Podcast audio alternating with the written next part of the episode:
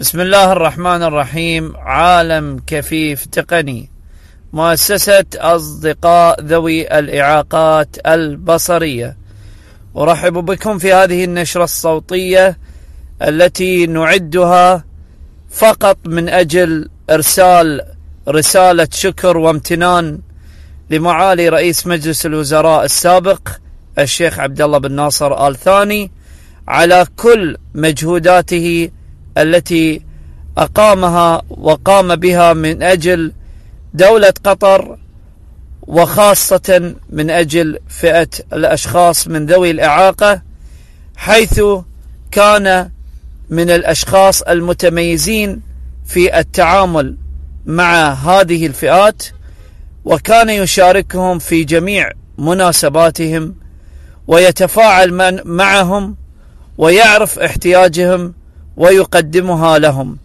فتحية امتنان نقدمها له.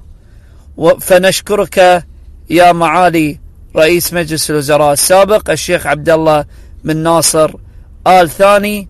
على كل مجهود بذلته في سنينك الطوال التي خدمت بها البلاد وخدمت بها الأشخاص من ذوي الإعاقة.